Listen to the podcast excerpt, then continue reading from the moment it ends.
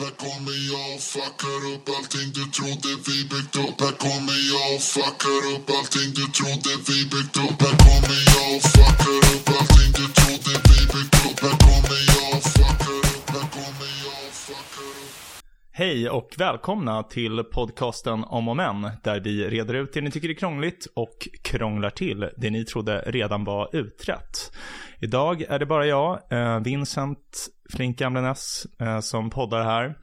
Eh, B och jag har ju eh, lite av ett sommarlovsuppehåll här eh, under eh, juli, augusti eftersom vi båda är bortresta ganska mycket. Jag har precis varit borta på smekmånad och börjat jobba så smått här igen. Och jag är tillbaka i ett extremt regnigt och sjukt deppigt Stockholm. Jag kunde knappt tro mina ögon när jag landade på Arlanda. Det var typ 10 grader och ösregn. Så det var en eh, tråkig, eh, ett tråkigt mottagande helt enkelt när man eh, landade där. Eh, men jag har fått lite klagomål på de tidigare två böckerna som jag tipsade om. Det var ju två fackböcker. Det är dels Torbjörn Tännsjös autobiografi eller memoarbok då som heter Vänsterdocenten som jag tycker mycket om. Och sen en bok om libertariansk eller anarkistisk filosofi som heter um, The Problem of Political Authority av Michael Humer. Så idag uh, tänkte jag tipsa om uh, något skönlitterärt. Jag tycker generellt liksom att, uh, alltså min, alltså min egen läsning så, jag läser mest skönlitteratur. Det är det jag liksom tycker mest om att göra. Men jag känner mig inte riktigt lika bekväm med att ge tips om skönlitteratur för att jag, alltså jag Alltså min upplevelse är att det, det skiljer sig mycket mer från person till person på ett så extremt oförutsägbart sätt. Vad man uppskattar för typ av skönlitteratur. När det kommer till skönlitteratur, när, när det kommer till facklitteratur har jag liksom väldigt mycket lättare att avgöra så här att ja, nej men, um, ja, men David, honom känner jag bra, han kommer tycka om det här, så här, det här kommer intressera honom. Och jag tror att det beror delvis på att facklitteratur påminner mycket mer om ett vanligt samtal. Alltså, eh, man lär ju känna sina vänner eh, genom att föra samtal med dem. Eh, och eh, alltså under den tiden så märker man ju så här, vilken typ av samtalsämnen de är intresserade av. Eh, liksom vilken typ av idéer eh, märker man liksom fångar deras intresse. Eh, och därför kan man liksom utgå från den informationen för att tipsa dem om facklitteratur och om eh, sakprosa. Men när det kommer till skönlitteratur så har man liksom inte så stor erfarenhet. Alltså det, det man vet är liksom vad de har läst innan, men jag tror också att man, eller åtminstone jag, jag har väldigt svårt att avgöra så här, vad skönlitterära böcker har gemensamt, utöver att jag tycker om dem eller ogillar dem. Så, där. så att jag brukar liksom väldigt sällan tipsa eh, om skönlitteratur, faktiskt. Eh, men idag tänkte jag eh, frångå den här lilla eh, regeln som jag har då. då och eh, tipsa om en bok som eh, de allra flesta kanske jag har hört talas om tidigare. Eh, men som har betytt väldigt mycket för mig och som jag har läst eh, många gånger och eh, faktiskt precis har börjat läsa om igen. Det var lite därför jag kom att tänka på den här. Eh, men den heter Anna Karenina av Lev Tolstoj, eller Tolstoj som det egentligen uttalas där på ryska. Ehm, det är en bok som väl verkligen får räknas till eh, de litterära klassikerna, ehm, verkligen eh, under romankonstens eh, storhetstid, ehm, slutet på 1800-talet. handlar om en ung kvinna som en, en, gift, en ung gift kvinna som är med om en kärleksaffär som eh, vars liv förstörs på grund av den eh, otrohetsaffären då kan man väl säga. Um, kort sagt, men alltså det är en ganska tjock bok. Jag har en pocketutgåva då eh, som går på ja, 800-900 sidor. Um, så att det, det är ju långt ifrån det enda som händer i romanen, utan man, man får liksom man får se det som att Tolstoj liksom gestaltar um, aristokratin i Ryssland under eh, eh ja, 1870-tal, 1860 1870-tal. Den skrevs under 1870-talet och Tolstoj var ju själv eh, adlig och extremt förmögen man. Eh, så att han hade ju stor kännedom eh, om de här kretsarna. Och eh, ja, men alltså så här, det skenheliga i hela eh, nej, men hela deras moralism. Alltså för, det, för alla är väldigt så här, alltså, man ska göra rätt för sig och sådär. Och um, inte bedra uh, sin make. Men um, det man får se i boken är liksom att Anna Karenina som är otrogen mot sin man, uh, hon blir, för det första blir hon väldigt illa behandlad av sin man. Han är väldigt kall och liksom otillgänglig sådär, ganska elak. Eh, och använder liksom deras gemensamma barn för att eh, få en att må dåligt egentligen. Då. Men dessutom så, så får man följa Anna Karenernas eh, bror, eh, som är en av mina favoritkaraktärer. Eh, han är liksom lite såhär en vivör och eh, är såhär serieotrogen mot sin fru. Och det är, precis i början av boken så är det en eh, väldigt rolig scen där han försöker liksom resonera med sig själv om Um, ja, men, uh, de här otrohetsaffärerna, den senaste han har haft med någon form av barnflicka från Italien tror jag att det är. Um, och då tänker han så här att ja, men min fru hon är så utmärglad och, och liksom uh, ful helt enkelt, så här blek. Så hon, hon måste ju förstå någonstans att jag liksom en, en man i mina bästa år inte bara kan gå runt och liksom vantrivas med henne i vår lilla lägenhet. Så här, hon borde ju fatta att jag måste liksom uh, ha någon annan Eh, kvinna också, eller ett par. Liksom. Eh, så att han ursäktar sig själv och även samhället ursäktar honom. Men, men Anna, eh, Karenerna då, blir ju inte ursäktad på samma sätt. Så att det är ju liksom lite, man kan säga att eh, Tolstoj kanske hade lite av en agenda. Han var lite så här kvinnosaksförespråkare. Det är kanske lite anakronistiskt att säga att han var feminist. Det, det, skulle jag nog inte säga. Men jag ville väl ha liksom en mer jämställd, juridiskt jämställt eh, samhälle då. eh, när det kommer till Eh, eh förhållandena mellan män och kvinnor. Eh, och eh, det är ett, eh, ni vet, eh, Alltså romaner brukar ju ha som ett valspråk eller som ett litet citat i början av boken och då har han valt en passage ur Bibeln, Romarbrevet som Paulus skriver. Eh, Min är hämnden, jag ska vedergälla det. Eh, och det är då, alltså det, det är ju då tanken att det är bara Gud som kan döma. Alltså det är man, eh, människorna ska inte döma varandra utan det är Gud som vet om Anna Karenina gjorde fel eller inte. Man, man borde vara lite mer ödmjuk och inte bara döma henne. Um, Ja, nej men så det är väl det. Och så här, det, det jag lite uppskattar det, så här, även om man har en politisk agenda så är det så här, det, det, framgår inte så mycket. Nu har jag fokuserat lite på det när jag berättar om handlingen. Och det är ju ofta så när man sammanfattar eh, stor litteratur att det är väldigt mycket som går förlorat. Alltså, um, det, är, det är inte riktigt så programmatiskt som det framstår när man ger en kort sammanfattning. Utan uh, i själva verket så får man en känsla av att det som verkligen var viktigt för Tolstoj när han skrev var liksom att göra en så realistisk och djupgående skildring av personligheter som han bara kunde. Och det är också där i liksom hans stora genialitet ligger. Det är ju inte i hans politiska åsikt. Jag menar, det fanns ju gott om människor även eh, i slutet på 1800-talet som, som tyckte att kvinnor skulle få rösta eller liksom att man inte skulle vara elak mot kvinnor. Jag menar, det, det, det är ju inte så här, man, man, behöver ju inte vara ett geni för att, för att liksom komma på att det kanske är ändå rätt åsikt att ha, utan det handlar ju om att hans oerhörda förmåga till litterär gestaltning. Um, Alltså en, en, en sak som, som verkligen utmärker honom, det är liksom att han har så otroligt Alltså han har ett så otroligt teoretiskt tänkande. Han är hela tiden liksom så här, försöker komma på olika ja, men sociologiska eller socialpsykologiska förklaringar till varför människor handlar som de gör. Eh, och i andra böcker av honom, till exempel Krig och fred, så är det här liksom extremt öppet. Att han bara lägger fram, han bryter in i berättelsen så här, som Tolstoj. Och säger det här är mina teorier om hur, eh, varför Napoleonkrigen utspelade sig som de gjorde. Och sen har han en liksom lång historiefilosofisk essä som bara är insprängd mitt i en roman.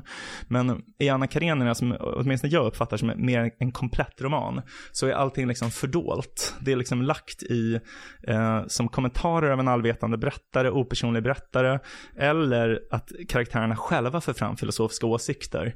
Eh, och det liksom, skulle jag säga, de enda gångerna som det blir lite lite kanske orealistiskt. Att det är så djuplodande teoretiska diskussioner att man får en känsla av att så här, så här ser inte riktigt samtal ut. Så även på filosofiska institutioner, utan eh, det här är mer liksom Tolstoj som är intresserad av att han vill verkligen föra fram de åsikterna. Till exempel så är en av huvudpersonerna i, i boken heter uh, Levin. Och han, är, han har liksom så här extremt detaljerade idéer om hur man bör utforma jordbruk och liksom um, de livegnas eh, rättigheter. Alltså, man hade ju en form av slaveri i Ryssland eh, under den här tiden. Eh, jag minns inte exakt när det avskaffades, men det är någonstans där eh, 60-70-tal eh, tror jag. Eh, alltså 1860-70-tal menar jag. Eh, och han har massor av idéer om hur man liksom ska Eh, ge dem livegna, kontroll över marken. Man, alltså man, kan ju, man, man kan ju se de här idéerna som liksom protosocialistiska då, liksom att uh, arbetarna ska eh, kontrollera sina egna produktionsmedel. Uh, eller ja, alltså för sig, man behöver ju inte vara socialist för att vara emot slaveri. Det var ju även de liberala naturligtvis, men jag menar åtminstone i motsats till det, de konservativa strömningarna på den tiden då.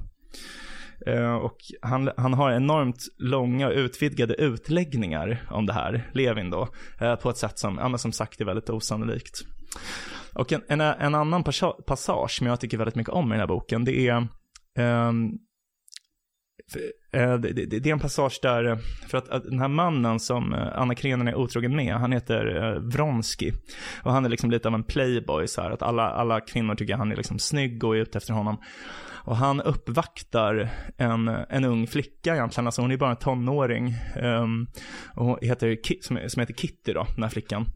Um, och han, liksom, han uppvaktar henne på ett sätt så att man antar liksom att han håller på att fria, han står i begrepp att fria till henne. Men så gör han aldrig det. Och så på en debutantbal som han hade förr i tiden, som var liksom när unga eh, flickor skulle liksom debutera i societeten som, och liksom göra sig tillgängliga för eh, giftermål, att visa upp sig första gången i societeten. Då tänker sig alla att Vronsky ska liksom bjuda upp henne till första dansen. Eh, för att det är då ett tecken på ja, med tillgivenhet och att man man, eh, alltså det är liksom ytterligare tecken på att man eh, uppvaktar någon på ett sätt som liksom eh, signalerar att man vill gifta sig med henne då. Men istället för att bjuda upp Kitty Shebatsky som hon heter då, eller Sherbatskaya, så bjuder hon upp Anna Karenina då. Eh, så att han är ju kär i Anna Karenina, men han vet väl någonstans att så här, han kanske borde gifta sig med Kitty Szybatskaya, för att hon är ju liksom det bättre alternativet. Eh, inte minst eftersom Anna Karenina ju är gift. så, ja. Men och hon blir såklart, Kitty blir ju helt eh, förkrossad. Eh, känner sig förnedrad och liksom åsidosatt av den här äldre kvinnan då, Anna Karenina. Eller alltså äldre än henne, hon är ju också ung förstås, men ja. Eh, och eh, hon blir, alltså hon får någon form av ja, krisreaktion hade man väl sagt liksom i psykiatriska termer idag. Eh, så att hon liksom ligger till sängs i någon så här mystisk sjukdom. Ehm, och, men det är ju bara att hon har hjärtesorg liksom. Hon är svartsjuk eller vad man ska säga. Eh, och hon vägrar gå upp, hon ligger helt apatisk, helt förstörd. men, alltså det är, jag menar, många har ju den upplevelsen när man är, alltså vad hon nu är, 15, 16. Det är ju så här, man kan ju bli helt, man tänker ju att allt handlar om den man är kär i just då. Eh, så. Så det är ju egentligen liksom en del av en helt normal eh, tonårstid. Men eh, hennes föräldrar tänker så att hon är sjuk. Så att de ringer olika läkare försöker allt möjligt, uh, olika liksom iglar och uh, att hon ska dricka kalk, alltså det är så helt meningslösa saker och ingenting hjälper, hon är fortfarande jätte, uh, jätteledsen. Men så ringer de liksom den bästa läkaren som är så här jättebra um, rykte i societeten. För att alla andra läkare ger upp det. Och han kommer dit direkt så här, och han är väldigt snygg, så här, reslig typ. Och han kommer dit och säger så här, han skrattar när han får reda på vad hans eh, kollegor, yrkesbröder har liksom vidtagit för åtgärder och är så här, herregud det här går inte så här, nu måste man vara aggressiv här. Så säger han så här att ja men hon måste dricka sodavatten, alltså bubbelvatten. Då. Hon måste dricka sodavatten åtta tillfällen om dagen. Eh, och de ska serveras av föräldrarna, ska komma dit och hon ska ligga instoppad under sängen. Eh, och sen i slutet av kuren ska hon åka på en alpresa liksom. Ehm, så det är så helt meningslösa grejer. Men grejen är att det Tolstoj förklarar i romanen är liksom att anledningen till att det här fungerar, för det visar sig att det fungerar, hon mår mycket bättre. Det är liksom inte att, att själva sodavattnet och alpluften har någon form av medicinsk, biologisk botande kraft, utan det är att, alltså jag menar någonstans så känner ju Kitty så här att det är fel av henne att ligga till sängs och göra liksom sin familj orolig. Um, och hon förstör liksom för alla och inte minst för sig själv. Eh, så. så någonstans vet hon ju det. Men hon är så inne i sin sorg så hon kan liksom inte hjälpa det. Det blir som en ond spiral liksom. Och hennes föräldrar, de kanske också någonstans vet att hon inte är kroppsligt sjuk. Utan för att jag menar, de förstår ju också det här med eh, att jag menar, de var ju också på balen. De ser ju att Vronsky dansar med Anna Karenina istället och sen liksom några timmar senare så har deras dotter blivit sjuk. De, de är ju inte dumma i huvudet. Men eh, det är så liksom tabubelagt att ifrågasätta eh, sitt barn på det sättet. Så att istället så väljer de liksom att spendera massa pengar på läkare så här, som inte gör något. Så att när de får den här ordinationen av den här sista läkaren med sodavatten och så här, då har de liksom någonting att göra. För tidigare har de tänkt liksom, ja ah, det finns inget vi kan göra, gud vår dotter håller på att bli vuxen, vi kan inte hjälpa henne längre, det är så läskigt liksom. Men då har de åtminstone något de kan göra. De kan gå in till henne flera gånger om dagen med sodavattnet. Och då är det en ursäkt för att få prata om någonting annat. Och det blir liksom som ett skådespel som alla deltar i. Och på det här sättet och under den här resan som är liksom jättekostsam så att föräldrarna får visa hur mycket de bryr sig. Eh, på de här olika sätten då så lyckas hon helt enkelt komma över allt och glömma allt. Så att, alltså han, han har liksom en oerhörd social insikt. Han har liksom en insikt i hur mänskliga relationer fungerar. Uh, hur människor förhåller sig till varandra. Uh, som jag tycker, första gången jag läste den här, det är, alltså det är jättelänge sedan nu, vad kan det vara, 2014 eller sånt där. Så blev jag alltså otroligt tagen av, av det. Um, så att jag, jag tror liksom, även om man inte är intresserad av liksom skönlitteratur annars så tror jag så här, om man är intresserad av ja, men typ nationalekonomi eller liksom sociologi, alltså så här, samhällsvetenskaper så tror jag att det här, den här boken är otroligt läsvärd uh, faktiskt. Um, så. så ja, nej, men eh, det var väl lite det. Eh, tipset jag tänkte komma med. Hoppas att jag kan övertyga åtminstone någon att läsa den här boken. Det är verkligen som ett eh, universum som man alltid kan återvända till. så kan varmt rekommendera den. Men ja, vi får se vad Bea tipsar om nästa gång och efter hennes nästa tips så börjar vi med ordinarie avsnitt igen. Det ska bli eh, jättekul faktiskt att träffa B igen efter vår väldigt långa semester. Ja, men eh, hej så länge.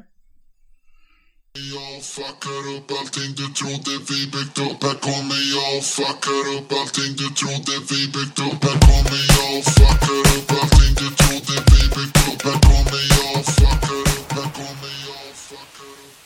Vi har en mejladress, om och men, at gmail.com. Hör gärna av er om ni har några förslag på ämnen vi kan ta upp i podden eller om ni undrar något. Vi kommer att svara på alla mejl. Tack för att du har lyssnat. Vi hoppas att du vill lyssna även på nästa avsnitt som kommer på måndag.